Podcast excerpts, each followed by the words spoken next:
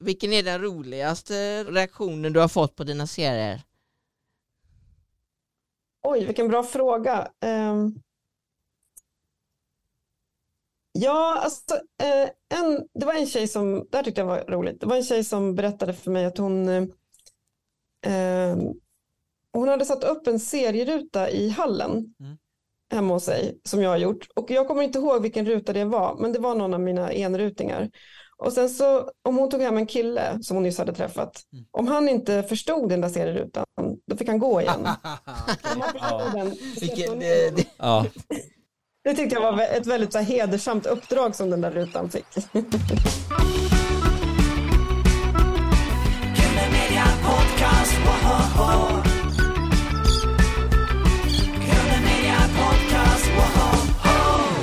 Välkommen till Grund Media Podcast med mig Henrik Ahlström.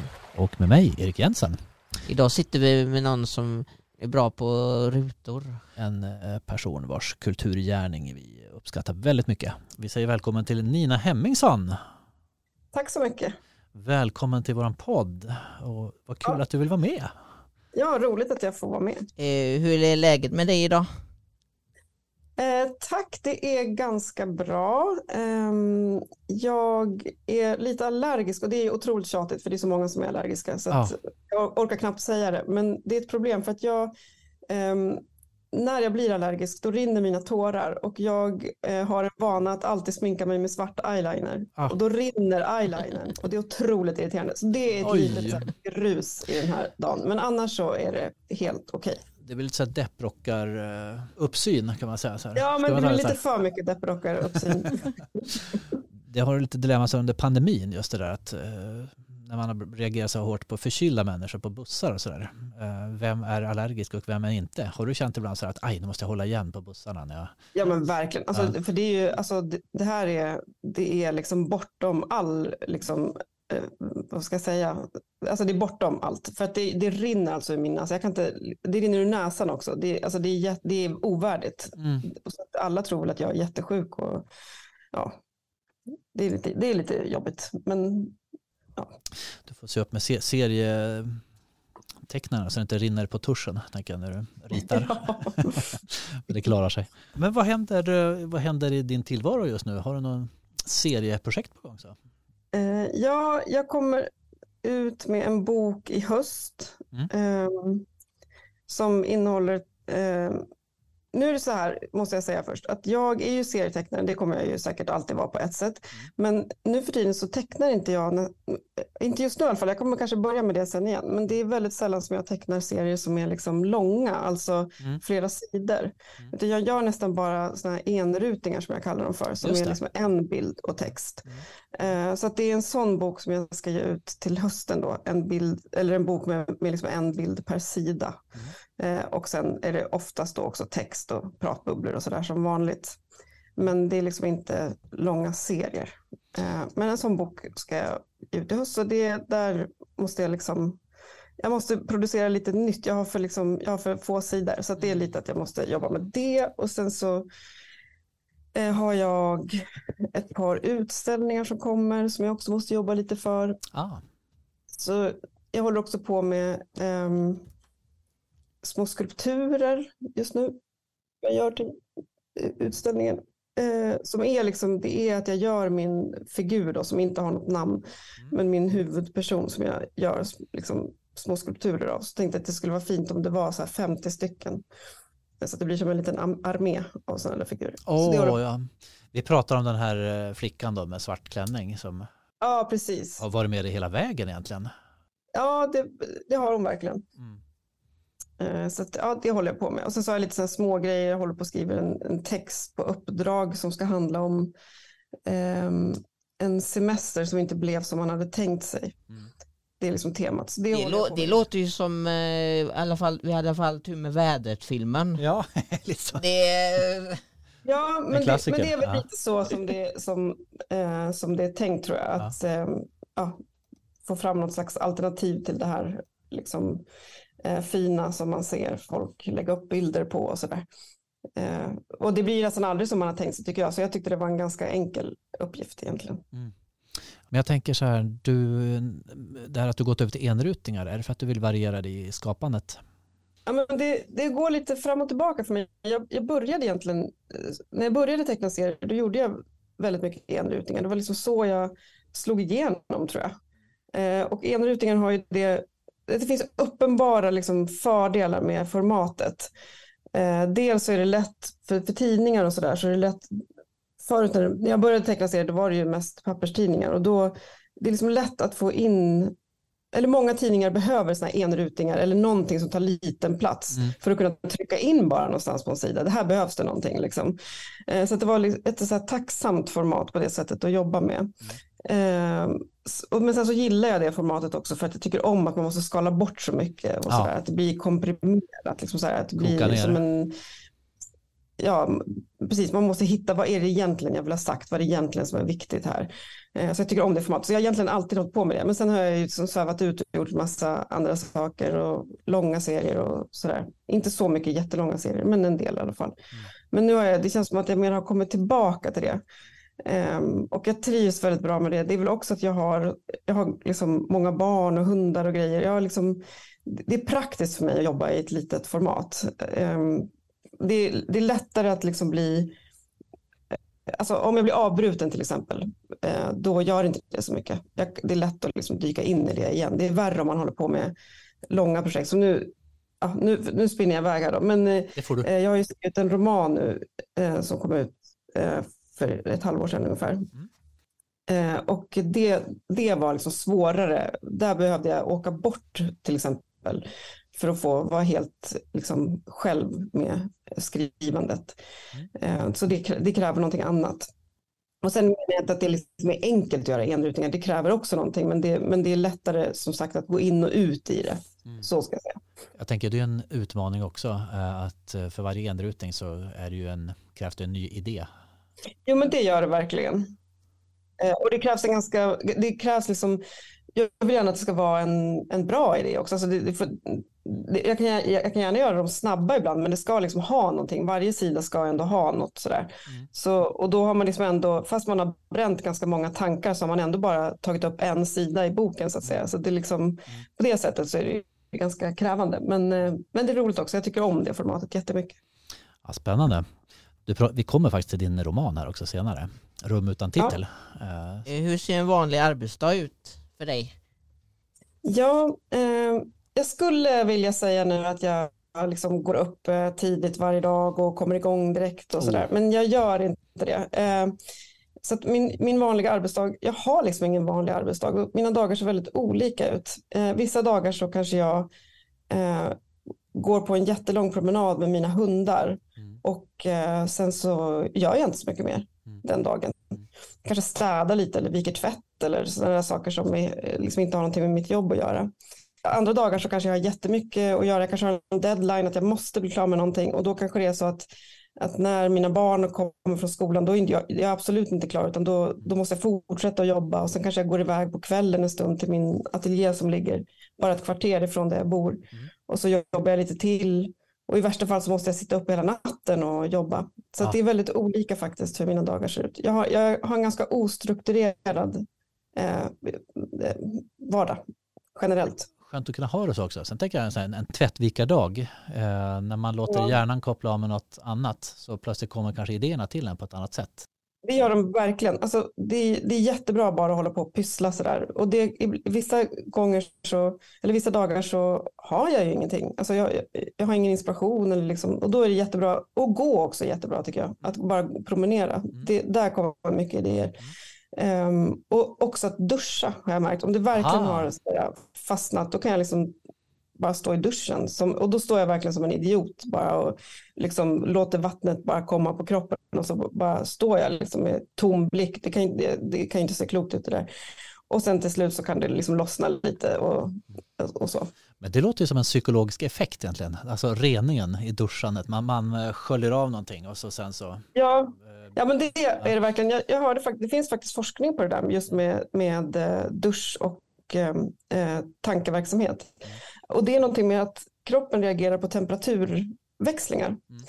och det gör någonting med hjärnan då, att, att hjärnan liksom vaknar till av det. Så att, eh, det, är inte, det är inte bara inbildning att man, att man tänker bra i duschen.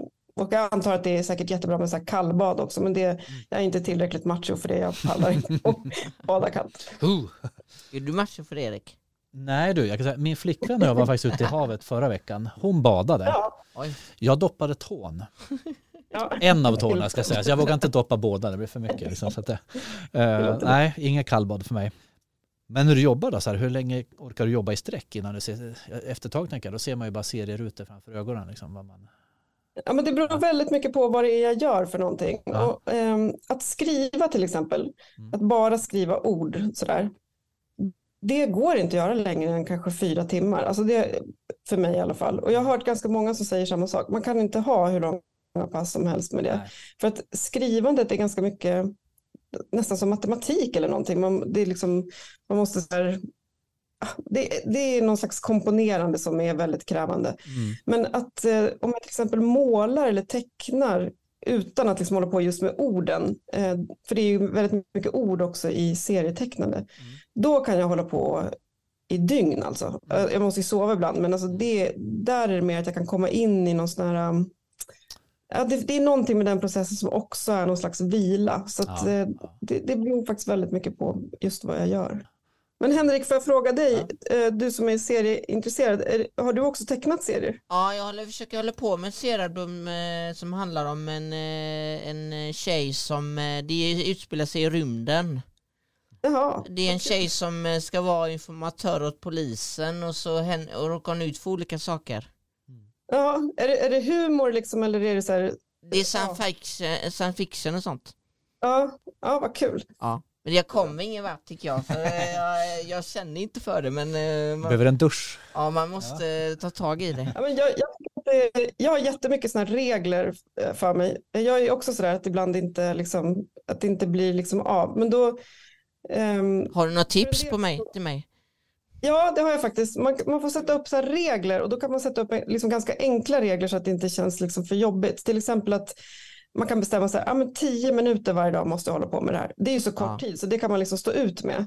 Eh, och då ofta så blir det så att efter tio minuter så vill man kanske fortsätta lite. Så att man får lite bonustid på det sättet. Ja. Eller när jag skrev den här boken nu då, det var ju ibland väldigt motigt. Då, då bestämde jag att ja, jag må- måste öppna textdokumentet varje dag. Det var det enda. Ja. Varje dag måste jag öppna textdokumentet.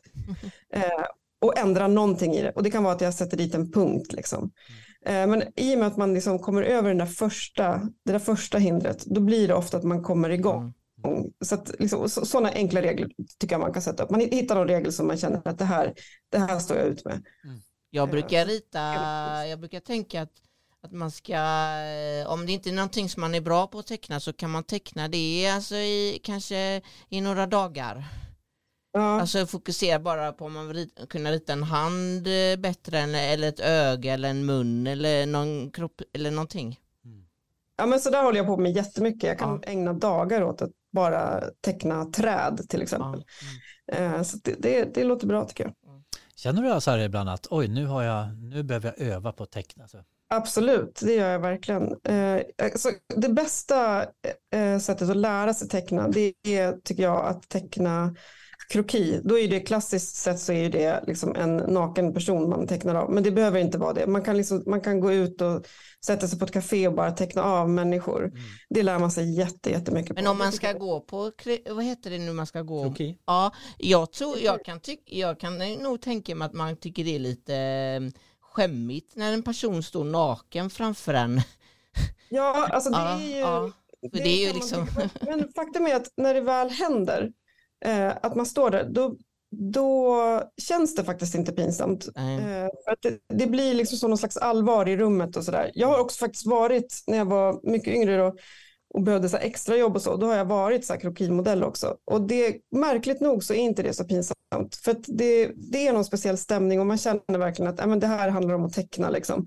Så, att, eh, Så det är inte man så pinsamt för dig att ta av dig kläderna då inför eh, folk som du inte känner? Alltså, Ja, men konstigt nog så, jag tänkte faktiskt på det då när jag gjorde det där, att liksom, att jag tänkte så här, men det är något fel på mig som inte tycker att det här är pinsamt. Mm. Men det är någonting med att, eh, att det, det är inte som att klä av sig kläderna på, va, på vanligt sätt, liksom, utan det är, man känner att de som är där, de, de ska teckna bara. Ja. Det är liksom det som är grejen. Så det var inte pinsamt faktiskt. Det är inte som att ta av sig på stranden då. Nej, Inte verkligen inte. Det är Nej, inte det.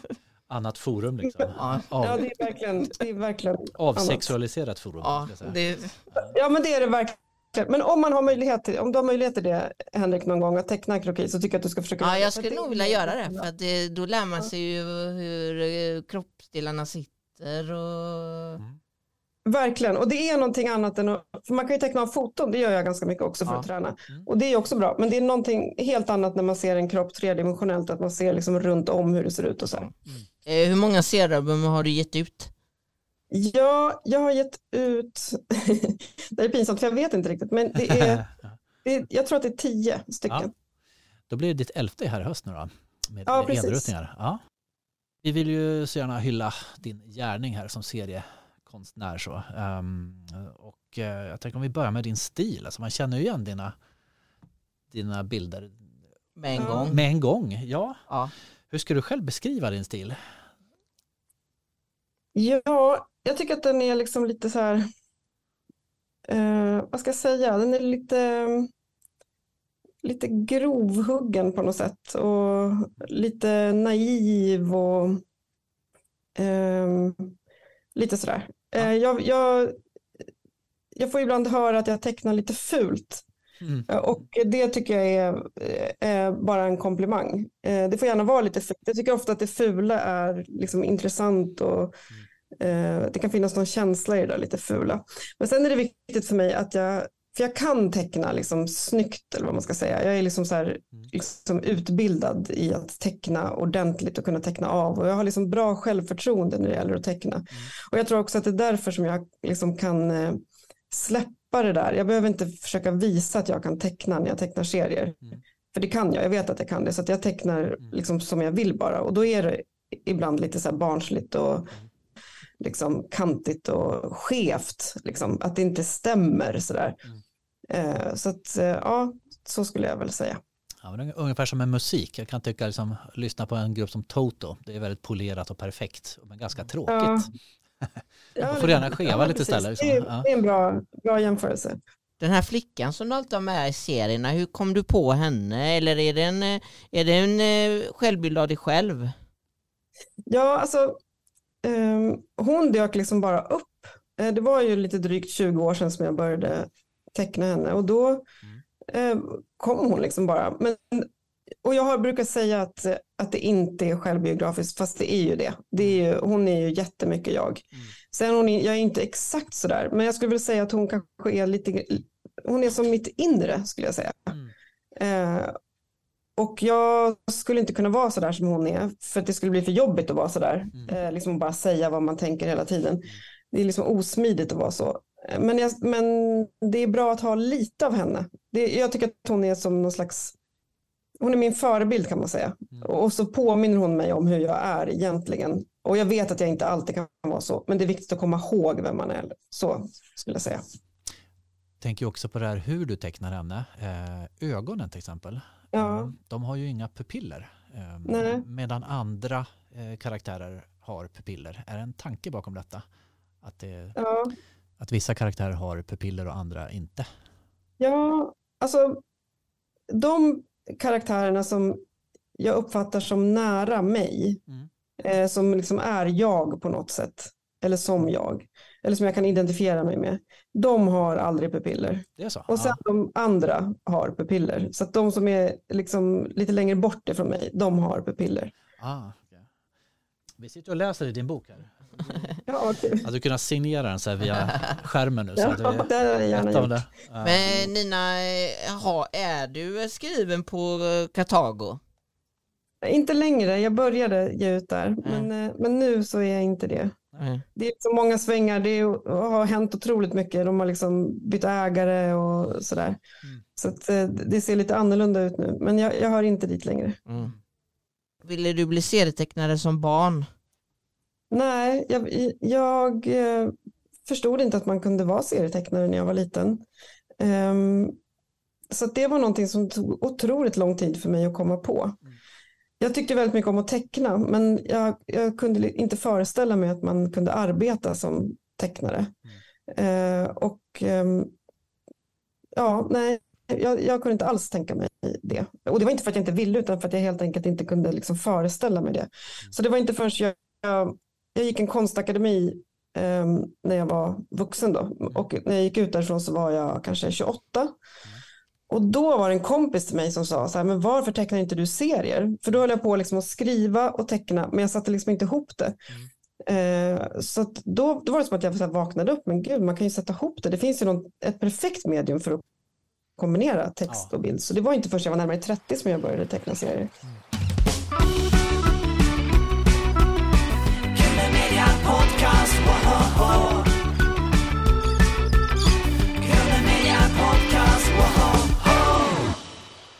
Men när du ritade som barn, hade du med dig redan där det här mörkret eh, som man har känner från dina serier? Fanns det redan där? Ja, vilken intressant fråga. Den har jag faktiskt aldrig fått. Eh, ja, det hade jag nog faktiskt. Ja. Jag tror att jag bearbetade ganska mycket med att teckna. Och jag, teck, jag kommer ihåg att ibland tecknades så mörka saker så att jag var tvungen att så stryka, eller så här, teckna över det. Sen. Aha, så jag tänkte okay. det här ska jag se. så, så pass mörkt var det. Det var katalysator. Mm redan då. Ja, liksom. Det får se. Så vad sa föräldrarna när de såg teckningarna? Eller de kanske, kanske inte såg dem då? Ja, men alltså, en jobbig grej är att min mamma är psykolog. Aha, och, eh, hon eh, liksom skulle ibland så analysera mina teckningar ja. på ett jobbigt sätt. Eh, och det tyckte jag var liksom Ja, men jag minns att jag tyckte att det var jobbigt. Alltså det var inte som att, hon, att jag plötsligt blev hennes patient, men det var ändå att hon, mm. att hon kunde säga så här, ja vad betyder det här? Och, Eh, varför tecknar du så mycket så här? Så, ja, jag minns att jag tyckte att det var um, ett problem att hon gjorde det. För det, Och det tycker jag fortfarande att mm.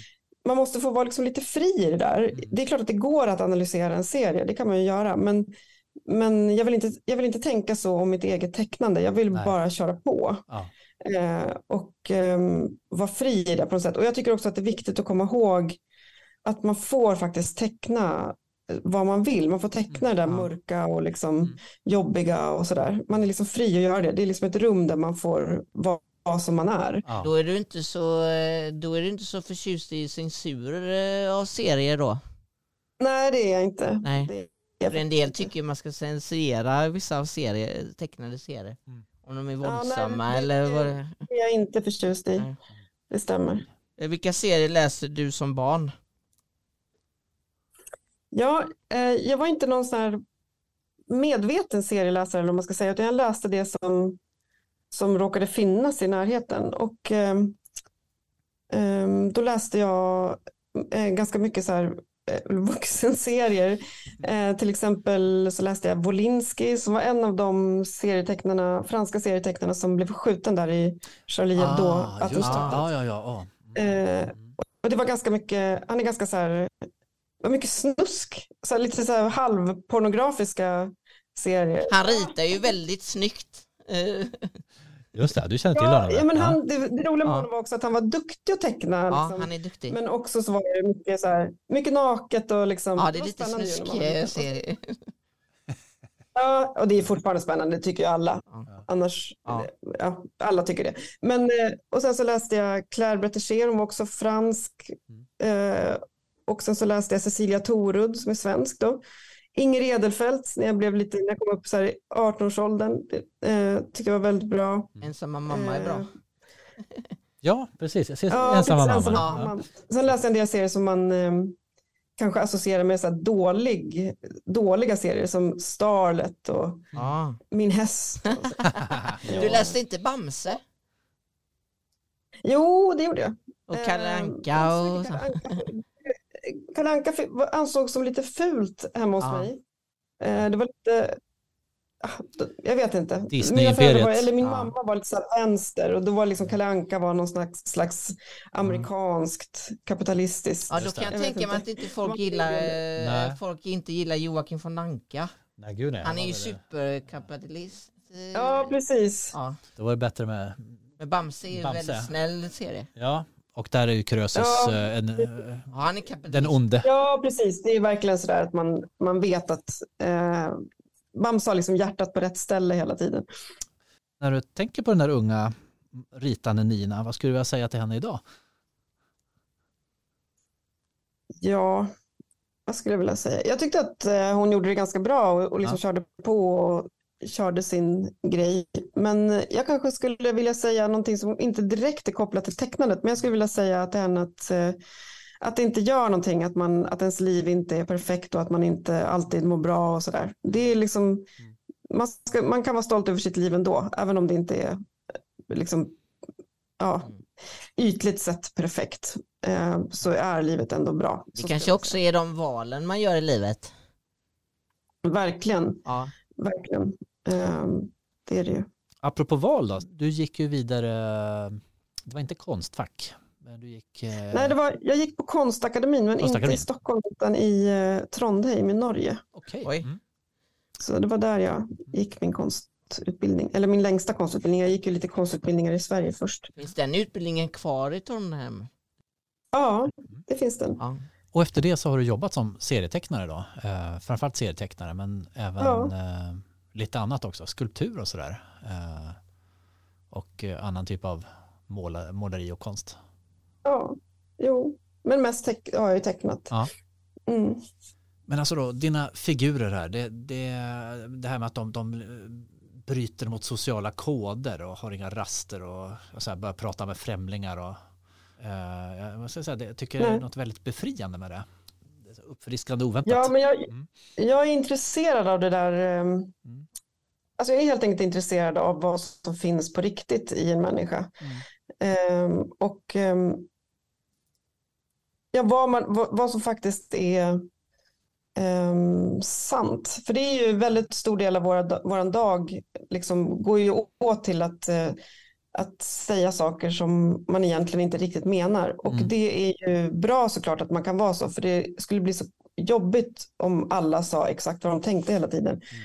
Men, men eh, jag är intresserad av det mänskliga psyket och vad som faktiskt finns. Uh, och uh, och jag är också intresserad av eh, vad man är tillåten att göra, eller vad man ska säga. För mm. att det finns ju väldigt mycket normer och så som man eh, försöker följa med eh, och anpassa sig till.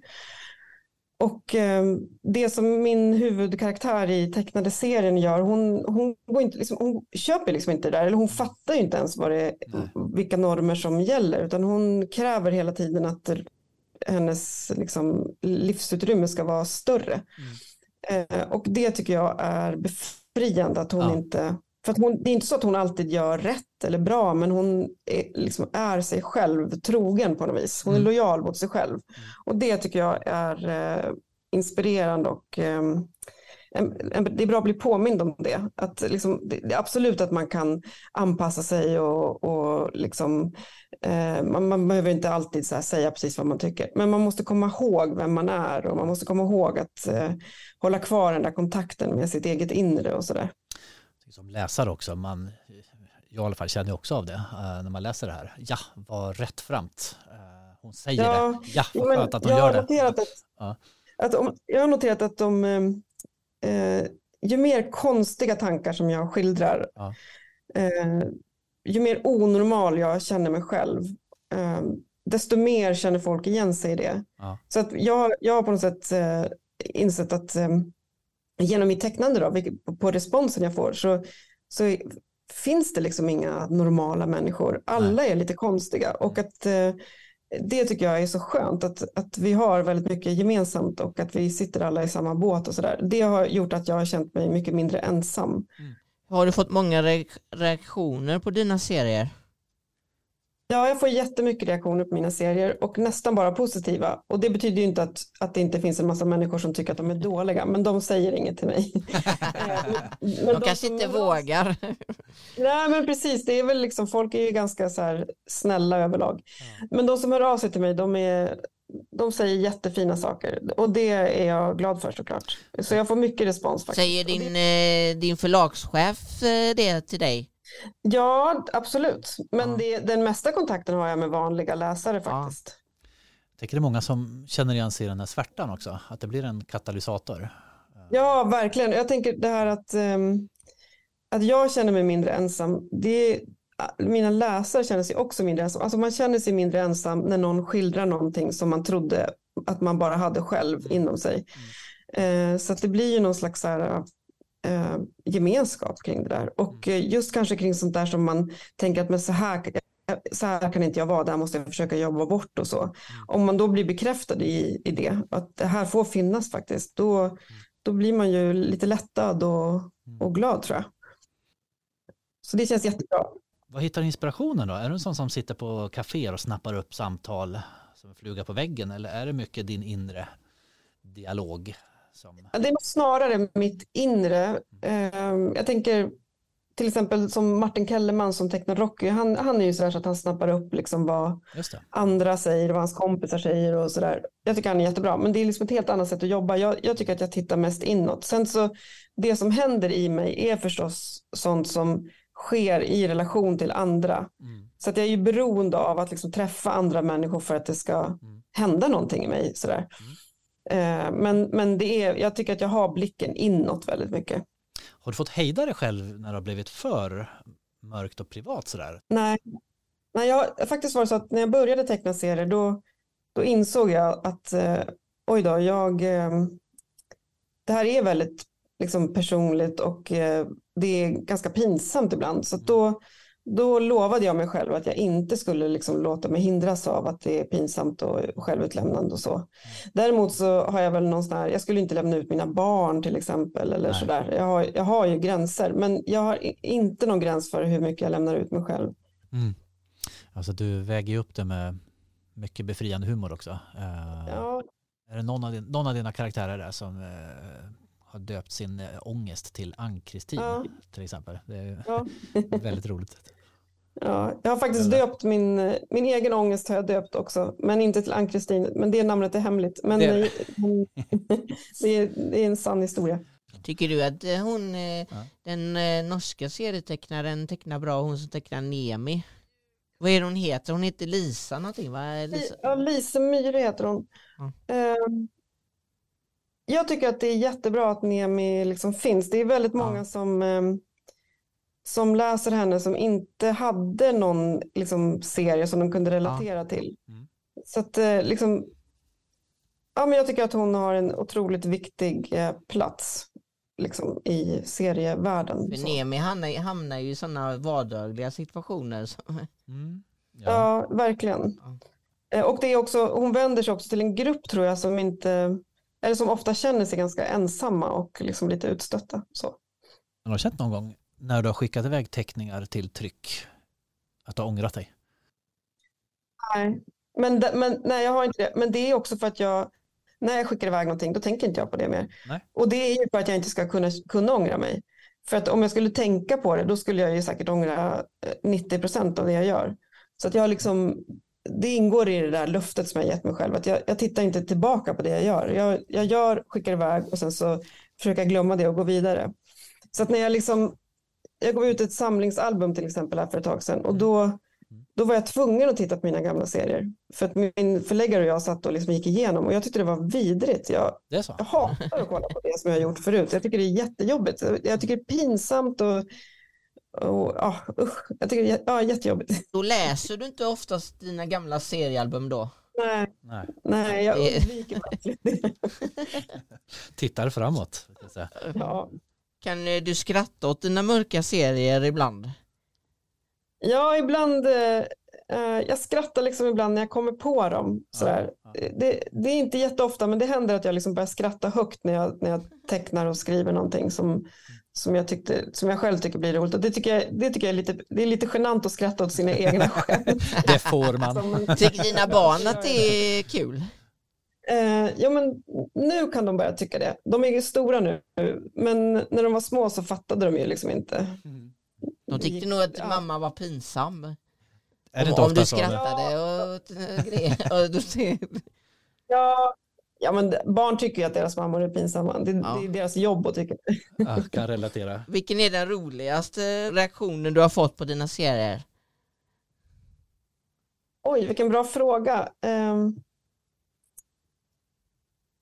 Ja, alltså, eh, en, det var en tjej som, det här tyckte jag var roligt, det var en tjej som berättade för mig att hon, eh, Eh, hon hade satt upp en serieruta i hallen Mm.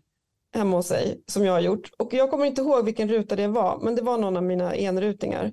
Och sen så om hon tog hem en kille som hon nyss hade träffat, Mm. om han inte förstod den där serierutan, då fick han gå igen. Det, tyckte jag var ett väldigt så här, hedersamt uppdrag som den där rutan fick. har du varit nervös första gången du träffade en förlä din förläggare och skulle visa upp dina serier? Jo men det var jag för att eh, första gången jag träffade min, alltså min första förläggare hette Rolf Claesson. Det var han som grundade Galago och Kartago. Just Han är liksom hela sfer, serie, serie eh, Sveriges pappa kan man säga. Ja. Han, han grundade Ah. hela det här vuxenserie. Det har ju kommit ut en bok om Galago. Ja precis, Ja. exakt. Den har precis kommit ut. Jag har faktiskt inte hunnit läsa den. Men det är ju Rolf Claesson då som har skrivit den. Mm. Eh, och ehm, ja, men jag var lite nervös när jag visade. Det var honom då jag visade för första gången. Sådär. Eh, och han fattade inte heller någonting om vad jag gjorde. Då, det var liksom vårt första möte var att han sa så här, men alltså det här är ju inga riktiga serier. Du får gå hem och göra rutor och bubblor och Aha, okej. Oj. göra det lite ordentligt. Mm. Och eh, då gjorde jag det. Och sen så har han har hjälpt mig jättemycket. Jag är verkligen tacksam till honom för att eh, han, eh, han trodde på mig där i början när jag tecknade och eh, eh, det gjorde liksom att jag vågade teckna. Så att, det- är väldigt mycket tack vare honom som jag har börjat teckna serier. Vilken kanal Galago har varit ändå, tänker jag, för hela den här Verkligen. explosiva serievågen. Ja, så- det, det, det är, Galago är liksom själva, själva centrum för Mm. eh, vuxenserier. Jag hörde en, en intervju med han eh, förläggaren, att, Rolf? ja, Rolf, att Ja. eh, folk förstod inte riktigt Galago när den kom ut. Nej, nej, det var ju helt nytt och unikt verkligen. När kom första Galago ut? Var det slutet på 80-talet eller eh, Ja, det var, 90? eh, ja, på 80-talet någon gång, men jag tror inte slutet. Det var nog, Ja. jag kommer faktiskt inte ihåg, pinsamt nog. Var Men inte var, Socker-Conny med där i? Socker-Conny, Ja. Klas Katt. Ja. Min minnesbild är väl att just 80-talet var en brytpunkt. Eh, alltså, det var Knasen och det var 91 och mycket så här ja, grabbiga serier eh, innan eh, feministiska serievågen kom senare med kvinnliga tecknare. Ja. Så, väldigt manligt fenomen. det var ju liksom. ganska manligt även på Galago-tiden i början. Mm. Det var ju nästan bara killar som tecknade, inte bara, men, men verkligen övervägande del. Mm. Så det var ju egentligen inte förrän i början på 2000-talet som, det, som den här liksom, eh, vågen av kvinnliga serietecknare kom. Vilken våg sen alltså. Det var en Ja. stark kraft liksom. Ja, det får man säga. Det var otroligt. Det var som att det hade stått liksom en stor grupp liksom, kvinnor och tjejer och bara väntat på så här att nu, nu ska Det är som att ni har stått och bankat på dörren och vill komma in fast ni har Ja, inte blivit Ja. in, de har inte öppnat dörren. Ja, men så var det verkligen. Och sen så, sen så till slut så var det som att vi öppnade dörren själva och bara, men nu, Ja. nu kör vi bara. Ja. Ja, och det var ju, sen var det så bra också. Ja, ja, det var otroligt mycket bra som kom där. Ja. Men en tanke där, som kvinnlig serieskapare, fick du höra skeptiska kommentarer i början då? Alltså det var väl inte så mycket så här kanske skeptiska liksom, kommentarer, men det var ju att nästan alla frågor som jag fick där, eh, jag kom ju lite, lite före Liv Strömquist också, så jag var liksom verkligen liksom, eh, det var jag och någon till som var först liksom. Eh, så då handlade nästan alla frågor om hur det är liksom att vara kvinna och serietecknare och eh, liksom Ja, jag fick nästan, nästan alla frågor, eller väldigt många frågor som jag fick var liksom kopplade till att jag var tjej. Så här. Snarare än serierna i sig. Liksom. Ja, verkligen. Och jag, jag saknade då så här, att prata om det jag gör på ett annat sätt. Att det, att det inte bara skulle handla om liksom, att jag råkar vara tjej. Ehm, så att det var mer så. Och där tycker jag att det var jag och Sara Olausson faktiskt som tog en som tog det där ganska mycket. Så att sen så var det inte, sen så slutade folk fråga, alltså folk frågar väl fortfarande det, men inte alls lika mycket. Där känner jag att jag gjorde en insats faktiskt. Ja. Men var inte det, var inte det rätt tröttsamt att hela tiden höra det? Det, ja, det var det verkligen. Det var Ja, tröttsamt i jobbet. Vad är det bästa med Liv Strömquist?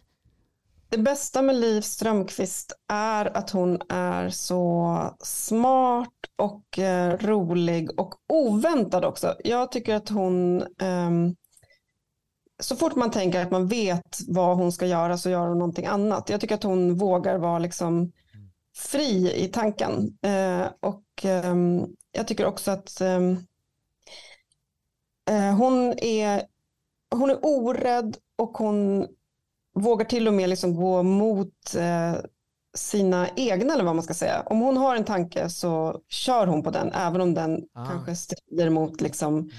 Kanske även om det strider mot något feministiskt ideal. Eller, det spelar liksom ingen roll. Hon är liksom, jag tycker att hon är smart och modig. Så hon, hon vågar gå emot sina egna lagar då? Ja, det kan man säga. Mm. Precis så. Det var bra uttryckt.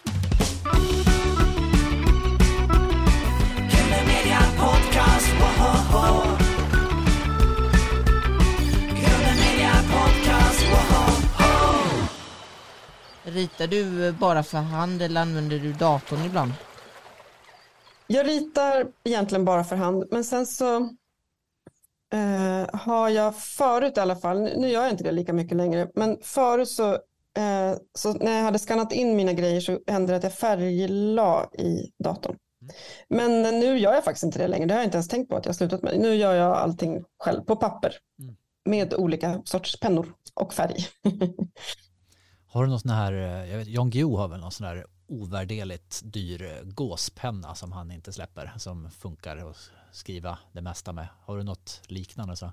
Ja, men jag har ju absolut favoritpennor och så, men, men jag kan inte vara så där snobbig liksom med mitt material för då blir jag hämmad. Då ja. blir jag så nervös, bara, nu ska jag använda den här jättedyra grejen. Ja. Så även fast jag har väldigt mycket dyra pennor och dyra block mm. så är det så att om jag får en, ja men till exempel så har jag ett favoritblock och de blocken är, liksom, de är jättedyra egentligen. Mm. Men om jag liksom ska tänka på att de är dyra, då blir jag ju nervös. Liksom. Mm. Eh, så då gör jag istället så att jag köper jättemånga sådana jättedyra block så att det känns som att de är billiga. Så jag liksom lurar mig själv lite där. Är det ett ensamt jobb ibland? Det är ett väldigt ensamt jobb, men jag trivs med det. Ja. Men det är väldigt ensamt. Mm. Det är liksom så ensamt att man ibland tänker att man liksom kanske blir lite galen av det. Alltså, jag, jag bor ju nära min ateljé, mm. så det har liksom hänt att jag inser att men jag har gått eh, till ateljén i mitt nattlinne. Det är liksom egentligen inte värdigt att jag håller på så här. Men, men jag tycker också om att vara ensam. Um, Lite mindre nu, jag har blivit lite mer så här sällskaplig av mig på äldre dagar. Mm. Men, eh, nej, men jag trivs med att vara ensam. Men när du, men när du möter dina, läs, dina läsare på bokmässan eller i, när du signerar, eh, ja. känner du att det, är, att det är din belöning eh, när de berömmer dig? Alltså det, det är en belöning med att möta dina fans? Ja men det är ju jätteroligt såklart. Men det är också svårt att få beröm. Ja. Eh, det tror jag alla människor tycker lite, för det är svårt att veta hur man ska Alltså det är roligt men det är svårt att veta hur man ska reagera på något ja. sätt. För ibland säger folk så himla fina saker till mig ja. och eh, jag skulle vilja verkligen så här, jag vill verkligen så visa att jag eh, blir glad och så, men jag tycker att det eh, och det gör jag ju, men jag tycker att det också är svårt. Då kan du bli generad då? jo, men ja, det kan jag bli. Ja. Jag kan bli generad och, ehm, och så. Och ehm, ja, men generad är ju rätt ord faktiskt. Men bokmässan som du sa där, det är ju det är verkligen en belönelse. Mm. Eller en belöning heter det, förlåt. Eh, för att det är ju så himla kul på bokmässan. Alltså då, mm. det är liksom tre dagar då man festar och träffar liksom andra tecknare och eh, liksom de som läser en serier och man, man träffar jättemycket folk. Liksom. eh, så det, är en, det är verkligen en belöning. Bästa avdelningen på bokmässan är ju serieavdelningen. Ja, man, man, hänger gärna i Kartago Galago-området. Ja, Kartago och seriefrämmandets monter. Så köper man årets Jan Stenmark-kalender ja. också. Några Galago, ja. eh, Galago-alster sådär. Ja men det är många som säger ja. det faktiskt att det är den roligaste delen, men det är det ju också. Ja. Det är den bästa delen. Känner du prestationskrav? Ja. Nej, men jag gör inte det, men det, men det är också för att um, återigen de här reglerna som jag sätter upp för mig själv. Jag har regler kring det där också för att inte känna den där prestationsångesten. Och det hänger ihop lite med det här att jag inte tittar, tittar bakåt utan jag, liksom, mm. jag kör liksom bara på. Så att jag, um, jag, jag kommer liksom aldrig till den där prestationsångesten. Faktiskt. Vilket album är du mest nöjd med?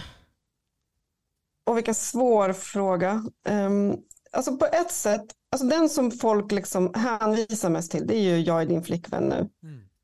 Men det albumet som kom efter det, som heter Så jävla normal. Mm. På ett sätt är jag mest stolt över den, för att då var det så här, när, när Jag är din flickvän nu kom ut, då fick jag liksom priser för den, jag liksom, den sålde jättebra, det var den jag slog igenom med kan man säga. Uh, och då kände jag att det fanns en risk att jag skulle liksom försöka göra samma sak en gång till. Att jag skulle liksom börja anpassa mig och göra det som förväntades av mig och så. Ja. Men då bestämde jag mig för att men nu ska, jag ska verkligen vara 100% ärlig i, det här, i den här boken och jag ska inte göra det som förväntas. Och då gjorde jag så jävla normalt som är helt annorlunda. Och den, jag känner mig stolt över den därför att där eh, bestämde jag mig för att verkligen gå min egen väg och jag gjorde det också. Så att på ett sätt så är det den det albumet som jag är mest stolt över. Och eh, jag tycker också att jag har lyckats hålla den där principen att, liksom, att vara liksom trogen mig själv och så. Så det, var, ett, det var liksom ett, ett viktigt album för mig. Mm. Ja, då har vi blivit prisbelönt där. Adamsson-statyetten har jag förstått att du har fått där och även Karin Boye-priset va? Ja, precis. Det var för en diktsamling. Ja. Just det, för skrivande är ju någonting som du har ägnat dig mer och mer åt nu. Eh, för ett halvår sedan ja. så kom din debutroman ut, eh, Rum utan titel. Ja. Den är vi ju nyfikna på här. Mm. Får du berätta lite om? Ja, det är en historia som handlar om en konstnär. Mm. Eh, och eh, man kan väl säga att den handlar mycket om konst och eh, också om ett äktenskap som inte fungerar. Mm. Så det är någon slags relationsdrama mm. kan man säga. Och ehm, det var faktiskt en historia som jag har tänkt på i flera år och eh, jag tänkte först göra den som eh, en serieroman, alltså teckna den. Mm. Men då när jag började att skriva liksom manus, alltså liksom bildmanus för att veta vad jag skulle teckna i varje ruta, då, fick jag, då tyckte det var så roligt att skriva så att då ändrade jag mig och tänkte men nu skriver jag det här istället och tecknar inte. Eh, och det blir lite annorlunda, ens process blir lite annorlunda om man tecknar än om man skriver. Så det var väldigt eh, roligt och eh, kändes väldigt viktigt för mig att få göra på ett annat sätt än vad jag hade tänkt. Så eh, ja, jag är glad att jag valde att skriva bara faktiskt. Just det här med att gå över till skrivande. Eh, jag tänker att ja. ska man, man, ska förklara skeendet eh, i ord istället för i bilder. Eh, det blir ett annat tänk då. Ja. Hur var, det, hur var den processen? Var det svårt då? Ja, men det, var, det var faktiskt inte det. Det tog en liten stund innan jag hittade liksom formen för det. Men när jag väl hade gjort det, kommit in i det, så tycker jag att det gick eh, väldigt lätt och bra på något vis. Eh, jag tror också att jag haft, i mitt skrivande så har jag eh, stor användning för att jag vanligtvis tecknar. För att jag tänker väldigt mycket i bilder. Eh, vilket gör att jag har liksom mycket att, som jag kan beskriva i ord, för då beskriver jag ju bilderna istället med ord. Eh, så att det, liksom, det blir aldrig så här tomt i mitt huvud om man säger så, utan jag har, jag har mycket bilder som kommer och då, då är det ju bara att, att berätta vad det är jag ser. Eh, så jag tror att, att det har gett mig väldigt mycket i skrivandet att jag tecknar och säkert tvärtom också. Att, liksom, att jag, är, jag har ju alltid varit intresserad av ord och det har ju också såklart hjälpt mig som serietecknare för det är ju också mycket språk i serier. Mm. Ja, Blir det fler böcker? Absolut, både, både fler textböcker och fler bilderböcker. Det ser vi fram emot. Vem skulle du helst vilja samarbeta med inom eh, serietecknandet? Eller en annan verksamhet också ja. kanske? Ja. Och vad svårt. Jag är så dålig på att samarbeta. Um, jag är verkligen en person som gör saker själv. Ja, men då skulle jag kanske... Jag har ju faktiskt samarbetat ett par gånger. Jag har ju samarbetat till exempel med Gunnar Lundqvist. Vi har ja. gjort lite grejer tillsammans. Klas Katt. Um, ja, precis. Han som gör Klas Katt. Um, men om jag skulle samarbeta med någon, då kanske jag skulle välja att samarbeta med en musiker till exempel. Ja. Mm. Att liksom göra på något helt annat sätt, att till exempel skriva texter utifrån någons musik. Men jag kan inte komma på någon specifik person. Men det, det, jag tror att jag kanske skulle välja någon ur en annan genre då. Mm, mm. Alltså någon som gjorde no någonting annat än jag själv. Tänk om du, eh, om du jobbade med någon musiker som eh, satte musik till dina bilder. Jag har gjort en del sådana här eh, live-teckning, heter det. Då, då har det varit någon som har spelat, eh, improviserat då Eh, och så har jag tecknat till och så projiceras de bild, liksom, det tecknandet på, liksom, på en duk som, som, som, publiken ser. Och då har det liksom varit att jag inspireras av musiken och musiken inspireras av mina teckningar. Så det har liksom gått båda vägar. Det, det är jätteroligt. Det är svårt men jättekul. Och det är också bra för hjärnan för att man får liksom tänka på ett annat sätt. Eller en seriebattler. Seriebattle, ja. När det är två tecknare som, ser, som tecknar mot varandra. Ja, Ja, men lite sånt har jag gjort också ja. faktiskt. Det finns också det finns ett, ett format som heter stafettserie som är kul. Mm. Eh, då ritar man liksom, ja men ni kanske förstår, man ritar liksom, man tar vid där den andra slutar. Mm. Det var det jag menar med battle, eh, eller den Ja, men det finns liksom lite olika format på det där, men, ja. men det, det är ju jättekul. Det blir som en lek liksom. Ja. Alltså, jag tycker dina, bild, dina, dina verk skulle göra sig som teater. Ja, men det har, det har faktiskt blivit teater. Några av mina serier. Jag kan se de här bilderna i jätteformat också som kulisser. Ja. Men jag tycker att det ligger ganska nära, att serier och eh, teater ligger ganska nära. För att man, man tecknar ju upp ett rum eller ett landskap och sådär. Så, så det, det, är inte sånt stort steg som man kan tro faktiskt mellan teater och tecknade serier. Tänk dig eh, en din tjej med i teatersammanhang. Ja, har hon gjorts mm. som på scen? Ja. ja. Det har gjorts. Oh. Det har gjorts. Vad är du mest stolt över?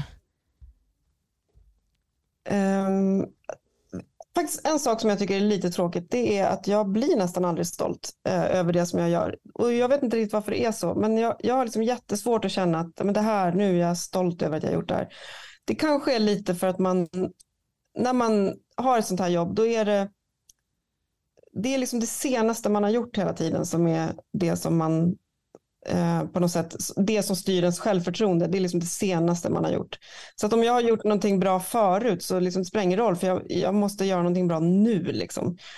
Så jag, är en, jag, jag kan säga att jag nästan aldrig är stolt faktiskt. Det är jätte, ett jättetråkigt svar, ja. men det, det, är tyvärr så. Det tycker vi du kan vara. Ja. Lite stolt. uh, nej, men det där, man är aldrig bättre än sin, egen, sin senaste produktion. Liksom. Ja, nej, det, är, det är verkligen så. Det, ja.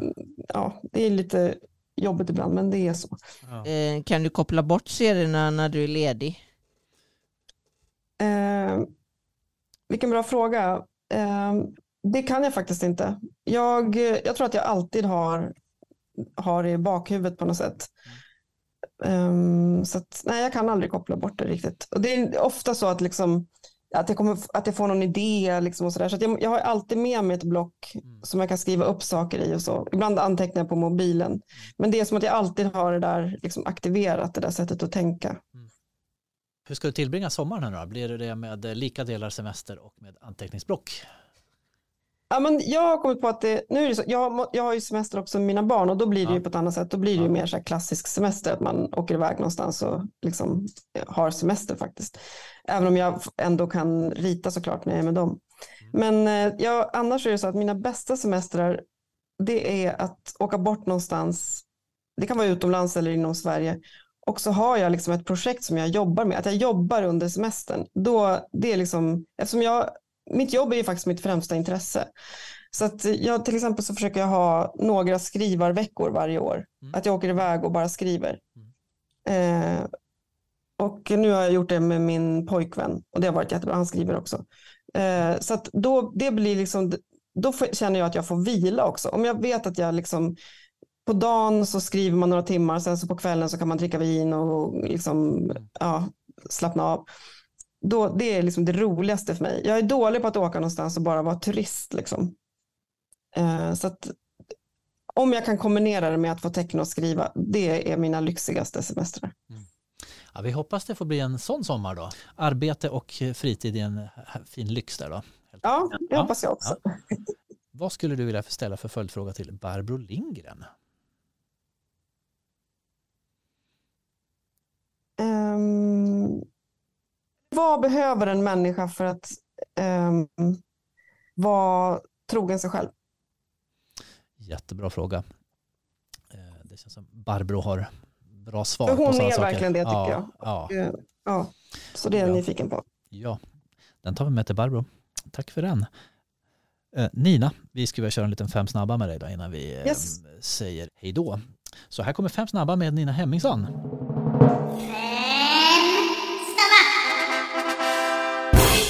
Tusch eller blyerts? Tusch. Det är, det är svartast liksom. Tusch är ju så svart. Ja. Mm. Men jag, blir lite, jag, jag vill också säga förlåt till blyerts, för jag älskar blyerts också. Men Ja. eh, om jag måste välja så väljer jag tusch. Sara Graner eller Liv Strömquist då? Ja, men jag kan inte, det, det, är, gå- det är omöjligt för mig att välja. Det, det känns så taskigt. Jag tycker om Ja. båda jättemycket och de är också väldigt olika varandra ju. Ja, Så att, eh, jag, jag tycker att de är eh, fantastiska båda två. det är precis det svaret vi vill ha där. Det, Ja. de, de, de är så bra båda två. Rita på frihand eller ka- kalkera av? På fri hand skulle jag Ja. säga. Men däremot så det är väldigt roligt att kalkera av. Ja, det tycker jag är roligt. Ja, ja men det är, det är jättekul och jag har ju också ett ljusbord så att då, det är ju, jag använder det mycket och då kalkerar jag ju av det som jag själv har tecknat liksom. Ehm, för att om man ska liksom upprepa, om man tecknar serier så måste man ibland upprepa ett rum till exempel och då, eh, då kan man kalkera av sitt eget, det man själv har ritat förut. Eh, Det, det är ju väldigt användbart och också roligt såklart. Och när, man, när, jag var liten så, teck, så kalkerade jag ofta av eh, liksom favoritteckningar och sådär. Det kan man göra fast man är vuxen. Eh, Så det är liksom kul. Men, men absolut att det är roligast tycker jag att teckna på frihand. Enrutningar eller långa serier? Då får jag ändå säga enrutningar för det är liksom Ja. mitt, mitt huvudsakliga format. Och jag, och jag vill verkligen eh, säga att det är, det är ett alldeles förträffligt format tycker jag. Ja, det där Ja. ypperliga nedkokandet. Ja, eh, det är det. Och också att ehm, ja, men det, det, det är sådär nedkokandet. Men sen är det också det är någonting med formatet som blir så direkt. Det är ju för att det går så snabbt att få en överblick vad det handlar om. Och eh, jag, jag tycker också om att, ha, att det liksom finns ett allvar i det fast det bara är liksom en teckning. Så här. Och, och man associerar ju, egentligen så heter det ju skämtteckning på Mm. svenska det där formatet. Eh, Men eftersom det, jag tycker inte att det alltid måste ha ett skämt så att jag började kalla det för enrutningar istället för att, liksom, eh, ja, för att inte liksom lägga in någon värdering i vad det ska liksom innehålla. Humor eller allvar? Ja men där kan jag inte välja heller. jag tycker att eh, ehm, humor utan allvar det är ju nästan en klyscha men det, det går faktiskt inte att ha humor utan allvar. Man måste, liksom, man måste känna att man är lite, att det betyder någonting för att man ska kunna skratta åt det tror jag. Eller i och för sig, jag ska inte riktigt säga så, för jag, jag har en otroligt så här barnslig humor. Jag skrattar åt att folk liksom ramlar och sånt där. Men Ja, det är rolig Men- humor. Ja, ja, men alltså det, det är ju jättetrams. Jag har ganska tramsig humor. Men, eh, men jag tycker liksom att, att det måste finnas allvar och jag tycker att båda är liksom lika viktiga. Och jag tycker också att de flyter in i varandra. Kan, Ja, det är ju väldigt ja. ofta som, när jag tecknar som jag tänker att det här är bara nattsvart och sen så slutar det ändå med att det blir kul. Mm. Och det är inte så, som att jag har tänkt så här, nu ska jag skämta till det, utan det blir liksom det ibland om man har tur. Modesty Blaze eller Tintin? Oh. Oj, vad svårt.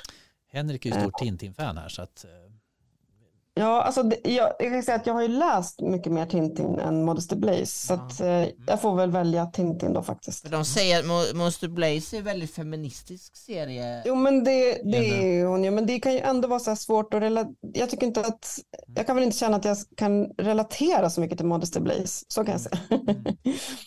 så ja, nej men jag väljer Tintin då. Ja. sommar med arbete eller sommar med ledighet. Sommar med arbete. Alla gånger. Ja, ledande fråga får jag säga för nu eh, du förbereder dig för eh, utställning sa du. Ja, Vad blir detta Eh, jag någonstans? Jag har flera utställningar på gång nu. Ehm, jag har en utställning i Skåne i sommar.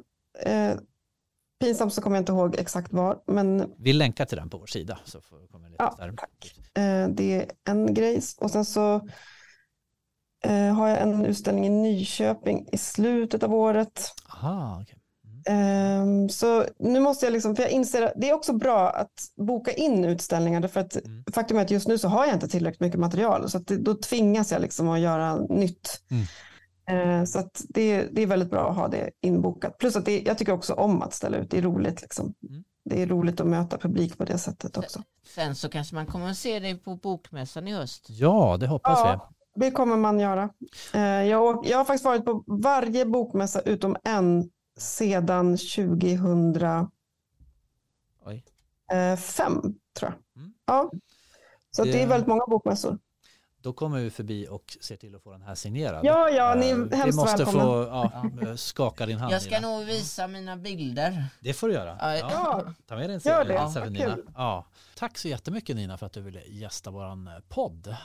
Tack själva, det var jättekul. Ja, vi känner oss berikade och kloka eh, och inspirerade. Så nu går vi iväg och ritar serier. Ja. Ska vi det? Ja. Ja, det lycka till. Ja. ja. Lycka till du också med projekten och eh, utställningarna här i sommar. Tack, tack. Så ses vi på Bokmässan i höst. Ja, vi ses. Ja, sköt om dig. Hej då. Hej då. Hej då. Podcast. Whoa, whoa, whoa.